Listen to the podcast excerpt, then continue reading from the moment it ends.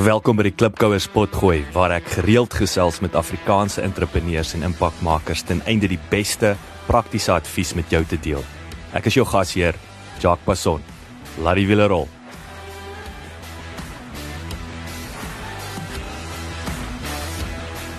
Hallo Klipkouer, ek hoop 2020 behandel jou baie goed. Ek kan nie glo ons is al amper Maart nie. Ek moet weer eens 'n verskoning vra. Ek het ek het so 'n bietjie my eie pot gooi afgeskeep die afgelope paar maande. Maar dis nie omdat ek op die strand lê of uh die wonderlike Kers uh vakansie te veel geniet het nie. Ek was besig met uh die produksie van van 'n uh, potgooi reeks, uh, die NBA en eiendomsbelegging met Ernest Stander. Drie episode reeks. Baie insiggewend gewees, baie interessant. Natuurlik dit gekombineer met uh met uh, digitale tydskrifie. So gaan kyk uit vir die MBA en eiendomsbelegging. Ehm um, weer eens hy's op al die jou jou potgooi kanale Spotify, SoundCloud en Apple. Saam met dit uh, het ek ook en ek het vir jou genoem laas uh, in Kerstyd met die Kersfees boodskap dat ek het hande gevat met John Deere, so ek het 'n bietjie my visie op landbou ingestel en nie net is ek reeds besig met ehm um, die produksie van die John Deere potgooi reeks, natuurlik die eerste vir John Deere in Suid-Afrika, natuurlik die eerste agri potgooi reeks in in Suid-Afrika. En dan weer eens ek praat nie van ouens wat hulle radioprogram van gister opneem en hom digitaal stoor in 'n pot gooi nie en ek praat ook nie van die ou wat 'n uh, rubriek skryf of 'n artikel skryf en dit opneem en dan noem hy dit 'n pot gooi. Ek praat van 'n regte egte pot gooi en jy jy sal weet waarvan ek praat as 'n as 'n pot gooi liefhebber. Dit is dis 'n nisgesprek ek onttegnies dit natuurlik. Ja, ouens vra vir my wat weet jy van van boerdery af? Nee, ek verstaan besigheid en dis weer eens ek fokus op die besigheid van boerdery. Maar weer eens daar's 'n ongelooflike storie altyd en en dis die groot ding, nee, ons almal is altyd geïnteresseerd in die mens agter die besigheid. Ehm um, so weer as ek bring 'n bietjie vir jou agtergrond oor hoekom ouens dinge doen, waar kom hulle vandaan, wat het gelei tot daai sukses. En natuurlik daarin is baie goud. Dis wat dit was die ouens se how to en en en baie belangrik wat om nie te doen nie. En daarmee kombineer ek natuurlik gaan ons 'n bietjie dieper in in in die boerdery in en so. Dis natuurlik baie opwindend, ehm um, is uitdagend wat ook interessant is. Ek leen nou ook na sekere onderhoude waar ons probeer Afrikaans en Engels doen en die Engels is natuurlik om 'n om 'n wyeer mark te bereik met met hierdie waardevolle inligting veral waar ek met ouens gesels oor hulle gemeenskap en werkersontwikkelingsprogramme en dis natuurlik ek wil daar in die groot klok hang om om vir die wêreld te wys wat baie van hierdie boere al vir jare doen sonder 'n geweer teen hulle kop. Saam met dit het ek ook die boerpot potgooi reeks. So boerpot is my landbou gefokusde potgooi reeks waar klipkouers natuurlik op um Afrikaanse SMEs en, en entrepreneurskap gefokus is, gaan boerpot gefokus wees op enigiets landbou en dit kan wees waar ons soos byvoorbeeld vir jaar met Agri SA die kongres opgeneem het, weer daai opnames van die keynote speakers wat ons in 'n vinnige pot gooi reeks aan mekaar geslaan het. So dis 'n kombinasie. Kom ons noem dit 'n uh, is soos 'n gateway. So enigiets wat met landbou te doen het en 'n pot gooi, gaan ek in boerpot sit en saam met dit gaan boerpot ook gaan ek 'n digitale tydskrif loods wat ons verniet gaan weggee. By nou al weet julle hoe my brein werk of nie um omdat Suid-Afrika baie met die potgooi ding nog nie is soos ek altyd sê Afrikaans is nog verder agter um as Engels seker ten minste 3 4 jaar wil ek ook die mark opvoed van wat 'n potgooi is en waar om hom te kry. So elke digitale tydskrif gaan ek seker maak dat wie ever lees, gaan hy weet van die potgooi of wat dit is en waar om hom te kry en, en natuurlik as jy uh, 'n potgooi liefhebber is, gaan jy in elk van die lees en jy gaan onmiddellik net gaan in hom aflaai. So dit is ek in 'n nederdop kyk uit vir dit, maar kom ons spring reguit in in die in die eerste onderhoud van 2020. Die ek het baie van hierdie entrepreneurs het ek verlede jaar al September Oktober mee gesels so van hierdie goeters soos ek sê ek sit op dit, maar ook ek wou seker maak dat die intros en die het jy geweet, jy weet dit is maar die groot ding. Elke keer as jy die standaarde bietjie weer lig, beteken ek moet addisionele komponente inbring en natuurlik dit kan ook 'n bottleneck veroorsaak soos nou. So in nog 'n verskoning Maar kom ons spring reguit in en uh ontmoet vir Isak Mare. Hy's 'n entrepreneur wat uh, passie het vir innovasie en bemagtiging. Uh hy's nou al tweede dekades wat hy aan die gang is en sy eie besigheid op die been gebring het. En ja, die man het maar uh dink soos meeste ouens wat van van scratch af begin het, hy klippe gekou. Uh en vandag is hy die baas van 'n baie uh indrukwekkende besigheid en toenagewende besigheid wat uh die Bramhope groep uh genoem word. 'n Bramhope spesialiseer in die lewering van uh MRI bestuursdienste en sagteware. MRI, MRO is maintenance, repair and operations. En terselfdertyd voer hulle ook en versprei hulle meer as 150 000 industriële produkte. Ek wil dis dis heel wat maar baie belangrik hulle meet en voorspel die verbruikersgedrag van hulle kliënte en so voeg hulle waarde toe. Met ander woorde hulle hulle nie net verkoop hulle industriële produk nie, hulle maak seker daai kliënt nie daai produk te veel aankoop nie en byvoorbeeld nie die ding mors nie of gou-gou agterkom dat hierdie goed gesteel word. So dit is 'n ongelooflike waarde toevoeging wat hy na die tafel toe bring. Ek wil amper sê dis amper soos 'n big data company wat wat industriële produkte verkoop. Maar ja, dit is uh natuurlik en hy sê ook, jy weet, daai was as jy kyk industriële produkte is historiese 'n tipe van daai brick and mortar, jy weet, baks en sement ondernemings en om dit te skuif na 'n digitaal gebaseerde platform besigheid is uh is natuurlik baie dagend. Natuurlik saam met dit het hy die bekroonde Bramhope International School of Innovation geloods wat studente produktief in die maatskappy oplei. So weer eens, ehm um, so ek altyd sê is waar jy Johanne vel maak, dit is waar die werklike leer plaasvind. En dan natuurlik wat nou vir my baie interessant was van van Isak is uh dis amper hierdie ding hier aan die kant en ek laat jou is dat hy Bramhou uh, Outdoor and Leisure het hulle die regte onlangs ontvang om um National Geographic eksklusiewe produkte reeks in te voer en te versprei. En natuurlik die rede daarvoor is, jy weet, uh, uh, National Geographic is 'n is 'n wêreldberoemde handelsmerk wat natuurlik op toerisme gemik is en hy wil daai inkomste terugvloek uh, terugvloeg in natuurbewaring. So heeltyd besig met ware toevoeging. Lekker leer en lekker luister. Isak, uh, vertel ons 'n bietjie meer van jou uh, vormingsjare en wat is die paadjie wat jy gestap het tot tot hierso? Ek's gebore in Pretoria, skool gegaan, Linwood Laerskool, Mendepark Hoërskool. Uh daarna uh, toe ek nou, sal ek sê, klaar met skool is en weermag toe is en grens toe is, jy weet wat baie van ons ons daai mm. tyd gedoen het, het ek gaan swat by die Technikon uh bemarking en is nog steeds die liefde van my lewe. Na dit het ek begin werk uh, by Olivetti. Uh en daar was ek vir so 2 jaar baie geleer, goeie maatskappy.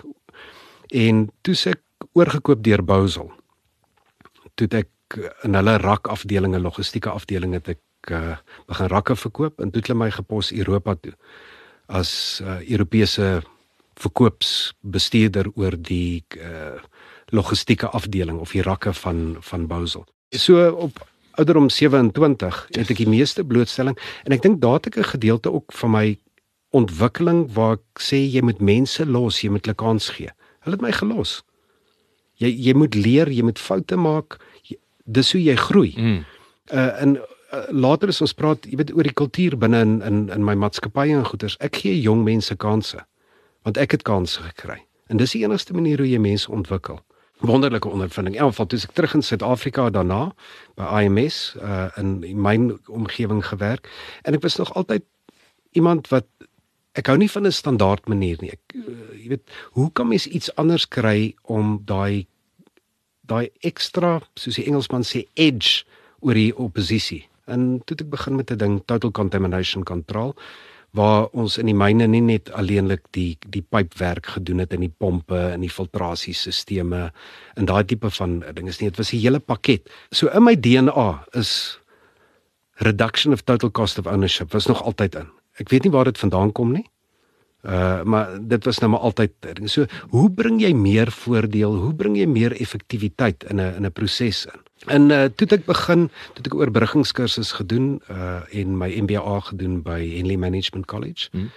En jy weet daar kry jy natuurlik 'n baie meer volledige rondmaak uh, tipe van proses. Ehm uh, wat wat baie interessant was. Daar het 'n groot ontwikkelinge en goeters gekom en toe ek op die einde van die dag en daar het my pa groot inset gehad toe ek my uh, meesters dissertasie moes doen. Toe ek dit gedoen oor want daai tyd het e-commerce en daai tipe van goeders meer en meer in Wat was nou laat 90s? Ja, net voor 2000. Net. So daar het ek natuurlik baie opgelees en goeders in ek het gelukkig by die maatskappy wat ek uh, toe by gaan werk het uh, Judaico het ek hulle corporate projects gehad. Klop en een van die goeders was hoe bou ons 'n e-commerce strategie. Maar ek het baie vinnig besef dat op daai stadium was die mark nog nie reg nie. En nou praat ek van van beide kliënt se kant en van die van die verskaffingskant af. My afval baie geleer, uh dissertasie gedoen oor the effects that e-commerce and business has on transaction cost in the supply and demand chain of MRO companies. En MRO is maintenance repair and operations. Party mense ken dit as uh verbruiksgoedere of consumables. En uh ek het heeltyd hierdie ding in gedagte gehad. Transaksiekoste is een van die uh fasette van ekonomie wat nie noodwendig baie uitgelig of ek het nie gevoel is baie uitgelig nie, maar ek het baie geleer daardeur. En uh toe is ek weg in eie maatskappy begin. Maar ek het nou eers gedog, okay, sal ek ander werk soek om net om 'n bietjie uh, die pot aan die kook te hou. Ja, ja, ja. Ehm um, en toe 'n Europese pel vir my na my toe gekom. Toe sê hy vir my maar hoekom begin jy nie in uh, reflective types in in goeders uh, besigheid doen nie. En hy het toe met LG van uh, Korea het hy uh, deals gehad. Ons begin daarmee. Ons eerste jaar se omset was 14000. Ja, rand. Lukskor. so is niks. Jy kan nie familie Ek kan net sê dis uh, dis 'n probleem. Ja ja, met drie kinders en goeder so gelukkige familie almal het saam gestaan, ja. weet dit uh, in in uh, geld. En toe het ons uitgebrei na reflective type toe en toe oorgegaan na ehm um, veiligheidsklere en ons met 'n groot Franse maatskappy het ek hulle verteenwoordig in in Suid-Afrika. Jy het nog steeds mynbou gefokus gebly al die nee, tyd. Nee, dis Dis meer algemene verbruiksindustrie ver, verbruikersindustrie uh, tipe van vervaardiging wil ek ja. sê vervaardiging. En jy weet daar nie in die begin jare net net examples nou ry ek met 'n 'n golfie sonder aircon en gaan soek nou met die ouens oral wat daai tipe van goedkoop en sê ek vir hom jy het 'n keuse jy koop of hierdie samples by my of ek gaan jou vra vir 'n almoes want ek moet my familie my familie met 'n kos gee. En ek moet sê dan meeste van die kere dan sê hulle okay. So right, oh, right, so shame man. En en so bou jy nou maar verhoudings en goeie so. Ja. Gelukkig het ek uh, baie uh, hulle noem dit street wisdom. Ja ja ja. Uh, en jy moet jy moet oop wees en vra vra en sê ek sukkel. Jy moet help. As jy nie hmm. kan vra nie, gaan jy nêrens kom nie. Ja ja. Uh en so het dit nou aangegaan. Ek het toe uh, my Europese partner het ek uitgekoop uh, later van tyd. En die maatskappy was toe meer 'n uh, import wholesale tipe van uh, maatskappy, maar ons het hom van die huis af gehardloop. Ek het die boeke gedoen. My hmm. vrou het later meer betrokke geraak. Die kinders het help pamflette pak en goeder. So ja, dit was fantasties. As ons op Desember teruggekom het van vakansie, ons het hele huis vol stok. En uh, later van tyd het ons nou gegroei en ons begin warehousing hier en goed in. Ja. So het dit nou maar aangegaan. Vertel die klipkouers iets interessants van julle industrie asook huidige tendense. Tradisioneel die omgewing wat ons wat ons in werk is maar industriële goede, goedere en tradisioneel in ons ons noem dit nou maar die ou bricks en mortar tipe van maatskappye en goederes. Die fokus was alleenlik gewees ja, jy moet teen die regte prys aankoop, okay? En jy moet op die regte tyd aflewering kry. Nou met my met my dissertasie wat ek gedoen het by Henley, het ek gesien maar daar's daar's meer in. Uh in veral met met e-commerce en al hierdie goed wat ingekom het. Dis ek nee maar is dit nie meer belangrik een van die fasette van transaction cost economics is demand certainty. Met ander woorde, hoe seker is jou hoe weet jy wat kom? Nou as gevolg van die groot variëteit van produkte want jy weet ons doen van toiletpapier regdeur tot uh grinding discs en uh, dis ons sit nou op 150 000 items ons groei na 'n miljoen toe. Nou die kompleksiteit daaraan betrokke is is ongelooflik. In vir maatskappye oor die algemeen, ja, tradisioneel het hulle gesê ons sit 'n tender uit en jy tender en dan word gekyk na prys en dan word gekyk na die maatskappy en natuurlik nou empowerment, daai tipe van goedjies ook. Maar dit bring nie 'n werklike waarde in nie. OK. So wat ons gesê het is kom ons kyk wat se ekstra waarde. Toe sê ons okay, jy moet 'n hulle noem dit 'n reduction of total cost of ownership en 'n risk met jou inbring. En jy kan dit alleenlik eintlik met met IT en machine learning en daai tipe van goed wat ek net nou 'n bietjie meer oor sal gesels, moet jy inbring. So die tendens begin wegbeweeg van jy kan net 'n produk verskaf. Mhm. Mm dit begin nou meer wat kan jy vir my ekstra bied? En dit gaan jy kan jy kan en dis die dis die design thinking element wat Ja, ja. wat begin kom. Wat wat's daai waarde wat jy wat toevoeg is daai ekstra behalwe prys en 'n goeie produk? Ja. So waar jy tradisioneel gesê die prys is reg, maar nou het jy ook 'n verskriklike groot variëteit van van items. Almal kan dit nie doen nie. Jy jy moet baie sterk IT en goeders hê. Uh en dit het ons oor omtrent 6 7 jaar moes ons die tegnologie opbou. Dit het geld gekos. Ons nie wins gemaak nie. Dis swaar. En jy het 'n droom wat uh, mm. wat wat soontoe gaan. Maar geval, ons het dit begin regkry want jou jou jou grootste besparing op die einde van die dag is die beheer en bestuur van die verbruik. Dis kom ons ook sê we measure, we predict the behavior and consumption. As jy dit kan doen, kom ek noem nou 'n simpel voorbeeld. Ehm um, in die begin van die jaar eh, gaan almal terug skool toe. Nou wat in maatskappye tradisioneel gebeur is, dan is die penne en papier verdwyn. Nou die waarde van daai item is baie laag. Maar as jy as jy begin kyk oor tyd dan dan kan jy teen die regte prys aankoop, maar as jy goed verdwyn of nie reg gebruik word nie, dan Dit raak duur. dan raak dit duur. So die daai mark, die MRO mark is omtrent tussen 8 en 15% van enige maatskappy se spandering. Pragtig. Enige maatskappy, geen nie om of jy 'n bank is en of jy 'n fabriek is of maak nie saak nie. Dis jou spandering. Nou as jy kyk na die platformmaatskappye, die tradisionele bricks and mortar begin die die koste basis is te hoog. En kom ek noem nou vir jou 'n voorbeeld. Ons het ek het drie groot kostes. Uh my een koste is natuurlik IT infrastruktuur, Ja. maar ons begin natuurlik van die sagte ware nou bied aan kliënte dat hulle nie noodwendig net produk by ons koop uh, en die sagte ware gebruik, maar hulle kan net die sagte ware want daar's daar's al baie waarde daarin. So nou subsidieer ek dit op op daai manier om verder ontwikkelings te kan doen en beter in in machine learning en fourth industrial uh uh revolution en goeders uh, betrokke te raak. My ander gedeelte is in die ou dae het jy 'n gebou gehuur of jy het hom gekoop. Nou wat wat ons nou gedoen het eh, as jy kyk 'n uh, Takealot daai tipe van ouens sê ons gaan ons eie distribusie infrastruktuur en goederes neersit. Dieselfde met Amazon, hulle het ook gedoen. Ons het gesê nee, ons gaan nie daai roete nie. Kom ons vo vorm eerder 'n verhouding met iemand wat alreeds meesters is in in in daai dinges. En ons het by Ermex uh, het ons nou ons hele logistiek en en en warehousing het ons het ons ingesit. Ek sien daai ding om jou nek te loops. O, ja. Spaces. Ja, Maar as ek nou as ek dink van co-working space, dit is ja. dit sluit vir my baie mooi aan presies wat jy nou sê. En Nee. en ons het dieselfde so ons het nou heeltemal in die in die verlede het ons ons eie warehouse gehad, ons het ons eie kantore gehad. Ons het oorbeweeg nou na RMX toe om ons logistieke infrastruktuur te maar weer eens dit het ook veroorsaak en dis gedeelte van die platform uh ekonomie laat ek 40 50 keer meer krag het as gevolg van die grootte van daai besigheid en hulle in diepte kennis en natuurlik hulle hulle krag wat hulle in die, in die mark het. Die ander gedeelte was met met Spaces wat uh, Regus jy jy huur kantore. Yes. 65% van my personeel is onder 25 uh, jaar oud. OK, hulle is mil- millennials.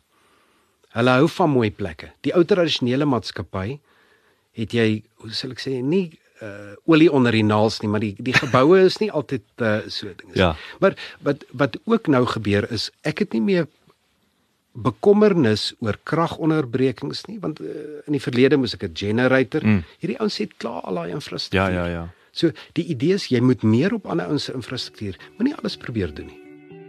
Tyd vir 'n het jy geweet insetsel. Die Suid-Afrikaanse gebaseerde Masansi-sat beoog om Suid-Afrika se eie kommunikasiesatelliet te lanseer ten einde laagkoste uh broadband internet aan Afrika te verskaf. Die rede hiervoor is die vierde industriële revolusie wat die korrekte infrastruktuur vernaam wat informasie en kommunikasie aanbetref. Noodsaak. Volgens die hoofuitvoerende beampte van Masansi Sat, Victor Stefano Polli, ek dink nie dis ek het dit reg uitgespreek nie, vereis die moderne samelewing dat Suid-Afrika alomteenwoordige internetverbinding skep. En ek dink dit al genoem vir jou in die verlede dat in Engeland selfs dit word deel van jou menslike regte geag om toegang tot tot internet en vinnig internet hê. Hy sê natuurlik een opsie is om biljoene dollars te spandeer op die lê van die nodige infrastruktuur ondergronds of natuurlik die alternatief is 'n is 'n satelliet telekommunikasie.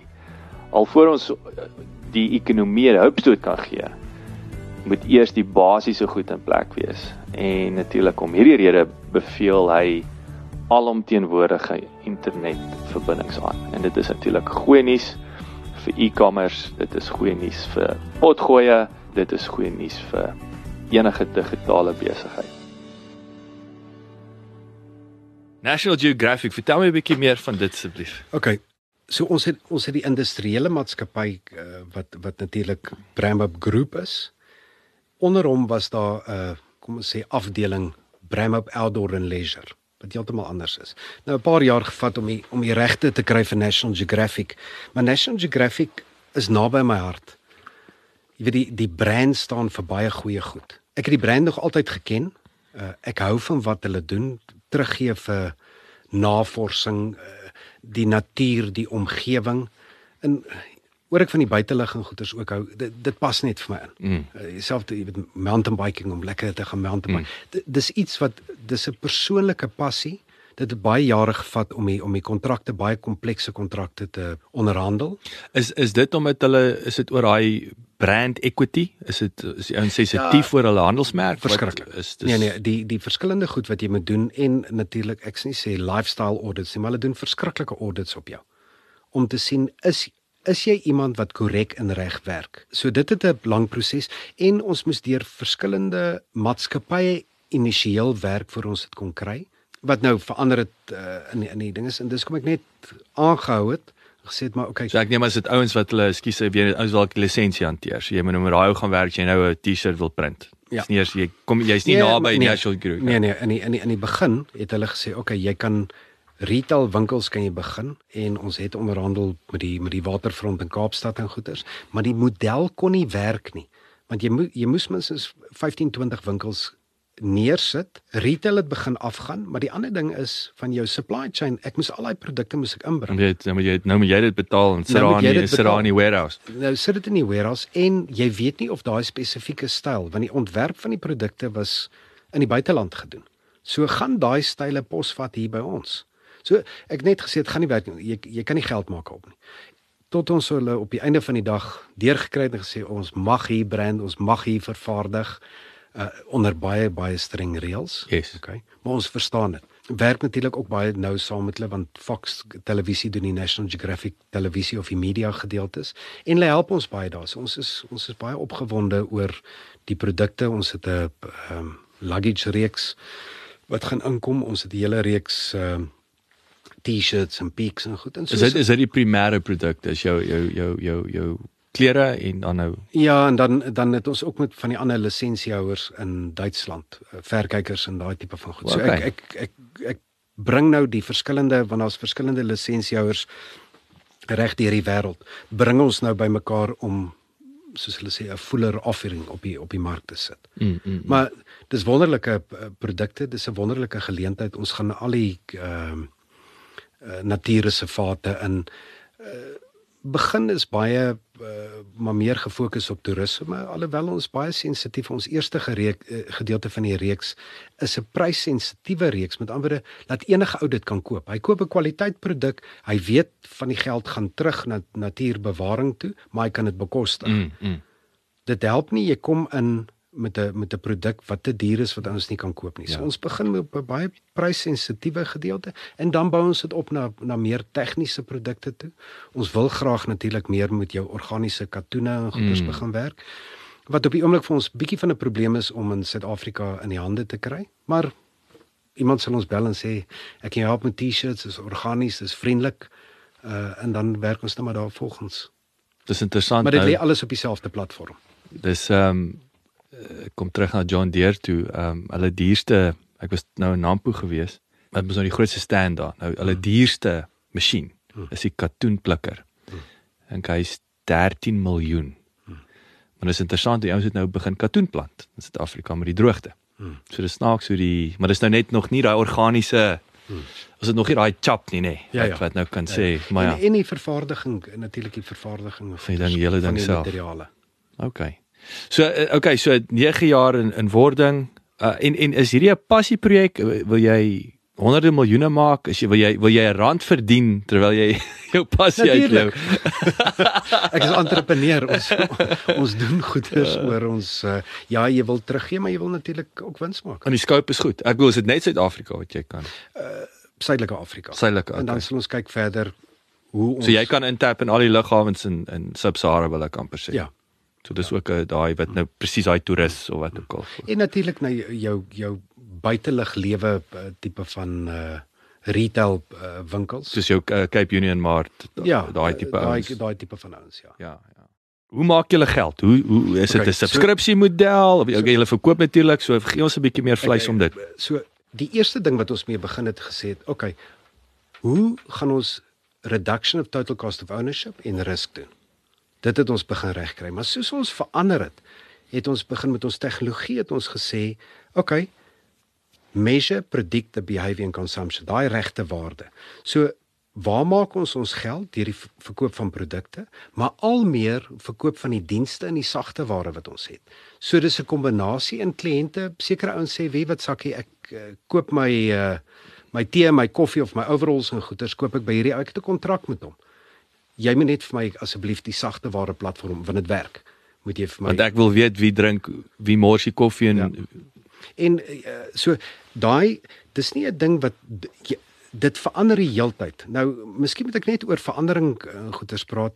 Die laaste paar jaar uh het het ons aan 'n paar kompetisies deelgeneem. Uh, een van die kompetisies wat ons 3 jaar in 'n ry aan deelgeneem het was ehm um, 'n top 100 technology companies in Suid-Afrika wat deur Da Vinci uh, aangebied is. ja. En daar was ons onder die top 100 uh, tegnologie maatskappye. In ons industrie natuurlik. Groot ouens soos FNB, al daai ouens is daar maar in ons omgewing.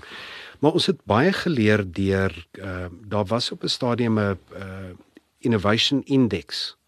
En dis deur dis deur Accenture uh, aangebied.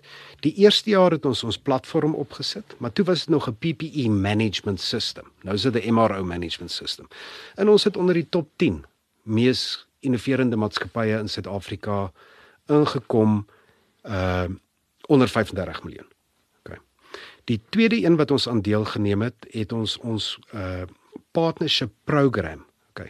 Die partnership program uh die eenvoudigste manier om hom te verduidelik in goeters is om verhoudinge met maatskappye, kom ons noem jy het Kalula, jy hoe maak jy meer geld uit Kalula uit uh jou passasiers wil graag karre huur. Maar wie doen nie wie doen nie werk aan die agterkant?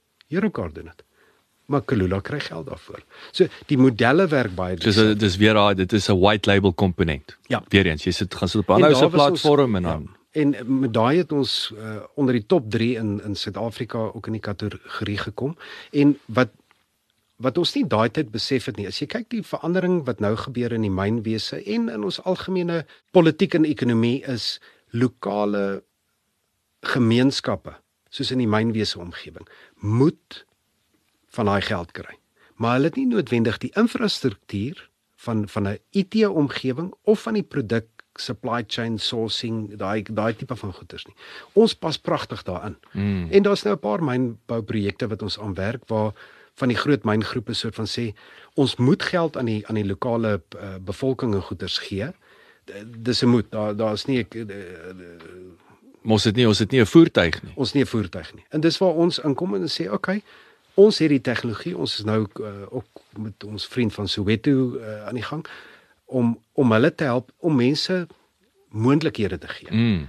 Want Maar dit gaan dit gaan nou uh, ekskuus ek van jou rede Isak, dit kom terug na daai ek dink wat ons nou Uh en is nie om polities te raak nie. Ek dink die hele ding van uh, jy weet wat nou in die Vrystaat gebeur het wat die geld word gegee en dit verdwyn. Ja.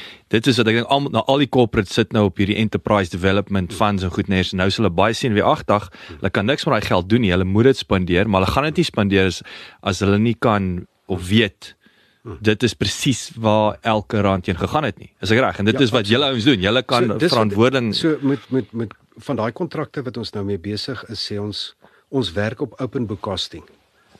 Die ou wat die kon sê die groot myngroep wil weet wat is die koste? Want hoe dit voorheen gewerk het, hulle betaal 60-70% bo die waarde van die produkte en hulle kry nie waarde daai. Mm. So ons sê nee, jy werk op open book costing. Dis die dis die gedeelte wat ons bydra. Sure. Die die lokale gemeenskap en goederes kry hulle gedeelte. So daai myn groep is besluit. Luister.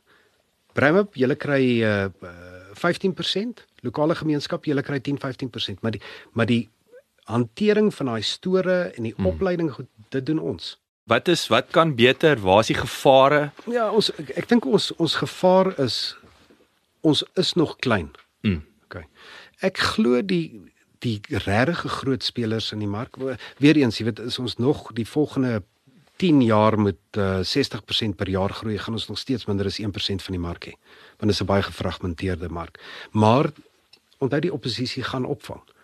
Hulle het natuurlik baie dieper sakke as wat ons het, maar hulle verstaan nie noodwendig hoe dit werk nie. Mm. So oppositie is 'n groot ouens wat ons wil probeer uh, platdruk. Uh, ekonomie het eintlik nie invloed op ons nie. Uh want die mark is so groot. Mm. Al gaan hy agteruit. Soos jy sê, jy het 1% van die mark, jy worry oor die 99 ja, is jou geleentheid, ja. nie nie die ja. Die grootte van die koek. Ehm um, ja, as die hele Suid-Afrika se internet afgaan, dan is ons dood. Mm. Maar uh, ons hele ons ons hele ons hele besigheid is daarop gebaseer. Wat is daai ratio jy praat nou van 1% eh, van die mark? Is dit Suid-Afrikaans of is dit Ja, en eh, onthou dan aan die ander kant. Ons het dan met jy internasionale geleenthede ook natuurlik, ja, nee. verskriklik, want ons ons stelsel is gebaseer op 'n Oracle database. So ons kan multi-currency, multi-tax, multi-language, multi-location is klaar daar. So vir ons volgende stap is om is om oor die grense te spring en hmm. ander lande daai effektiwiteit in te bring. Ja, okay, een van die ander goeders oor ons vinnig groei, alles selfgefinansiering, goed, ons het geen bankfinansiering nie. Mm, mm. Is cash flow. Dis dis nou maar altyd kontantvloei is nou maar altyd 'n vinnig groeiende besigheid en goeders is die die ding wat jou wat jou terughou. As jy nou praat van 'n 150 000 na miljoen items. Mm. Hoe werk daai? Moet jy daai goeders aankoop? Hou jy dit in stok? Wat hoe werk daai proses? Okay, so ons begin al al fyne raak waar tussen kontant uitgee en kontant ontvang begin nou al in dae omgaan. So ja, ons koop die voorraad uh van verskaffers af. Okay. Ons kry terme by hulle en sonder dit kan ons ook nie uh, klaarkom nie. Maar dan moet ons kliënte en goederes wanneer hulle weer betaal. Daai twee 60 dae, 30 dae, daai word al meer gebalanseer.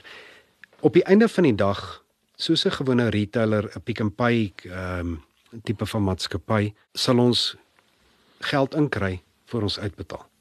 En in daai model moet nog baie aangeskaaf word. Maar hy begin nou ingaan om jou ook 'n idee te gee wat ons nou vir kliënte gee. Ehm um, met die uh, met hulle store is tradisioneel is jy jou eie MRO bestuur dan het jy correctness of order and on time delivery het jy sê op 80%. As jy dit baie goed doen. Ons hardloop op die oomblik op 98%. Okay, maar as 98% beteken jou voorraadhouding. Uh nou baie van ons wat om minder bestuur se voorraadhouding is tussen 60 en 180 dae. Want sekere items beweeg nie vinnig nie. En dis wanneer dit wegraak mm, en gemors mm, word mm. en okay. Ons hardloop nou een van ons projekte op tussen 13 en 18 dae veiligheidsvoorraad. Yes voordat omsetsnelheid 2.5 keer 'n maand. Nou in ons industrie is dit ongekend. Jy moet jy weet van die myne sê jy moet 60 of 80 dae voorraad. Maar as jy 60 tot 80 dae voorraad dra, is dit jou kontantvloei wat afgevreet word. Ehm um, dit kry ons mooi reg. Ehm um, net nou wat ek miskien ook moes genoem het en goed ehm um, is hoe gaan ons na die markte toe?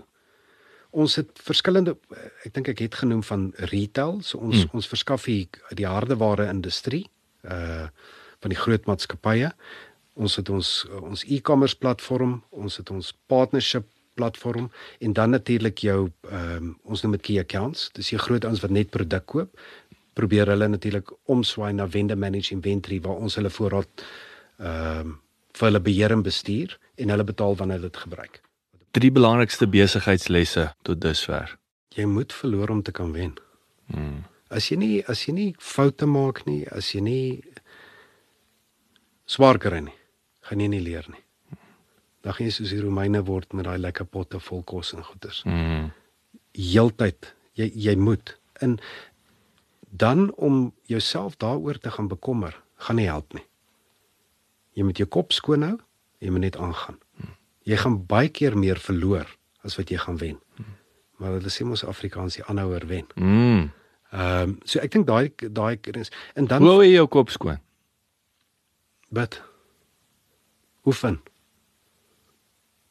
Sit met goeie mense om my. Mm. Okay. Mm. Dis die enigste manier. Jy weet ons het ons het geen beheer oor baie goed wat om ons gebeur nie. En om jouself, die Hollanders sê druk te maak daaroor. Druk te maak. Ja. Ek hou daarvan. Gaan nie gaan niks verander nie. Gaan So, niks so verander. baie dis 'n verskillende betekenisse in daai druk te maak. Mm. So dit, die ander ding, jou mense. Jy weet maatskappye wat baie suksesvol is, gee baie opleiding. En ons konstant, ons het nou weer nuwe in, inisiatiewe en goed. Jy moet jou mense oplei. Mm. Jy moet hulle kansse gee. Moenie sê jy het jy het 30 jaar ondervinding, jy kan nie hierdie projek doen nie. Jy weet die een projek wat ons uitgerol het, ek het 'n ou gehad wat 30 jaar procurement ondervinding gehad het by een van die groot staalmaatskappye. Toe ons die kontrak kry, toe sê hy dis te kompleks. Toe het ek twee studente, jonk 23 dink ek op daai stadium in in uh, 24. Binne 'n maand toe rol ons uit. Ja. En dis oor die 3000 items. En onthou baie van die items het ons self ook nie geken nie. so, Wat vir my fenomenaal is van julle jou besigheidsmodel is hoe jy jou eie talent ontwikkel. kweek. En en en so jy jy jy los selfs daai probleem op. Ehm um, wat ja, min ouens doen dit nê. Nee. Dis gewoonlik ons kry die ou in en dan moet ons hom nou uitsort nê. Nee. Want ons het internal training versus hoe kan ek cherry pick wil ek amper sê. Okay, so hoekom het dit gebeur? Eerstens, daar was nie daai tipe van mense met met kennis in in ons omgewing wat ons kon in diens neem nie. Die tweede ding is, ons klein, kon nie bekostig nie. Ja, nou So, jy dan moet jy nou- ou 100 000 rand 'n maand betaal. Ja. ja. Ja, jy moet net maar 'n bietjie plan maak. Mm. Isak, hoe kan die klub coach met jou kontak maak? Uh hulle kan my e-mail op isak met 'n s @bramo.co.za.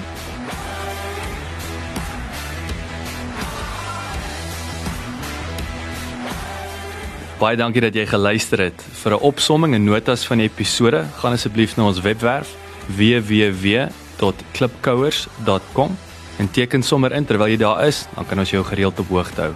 Baie dankie.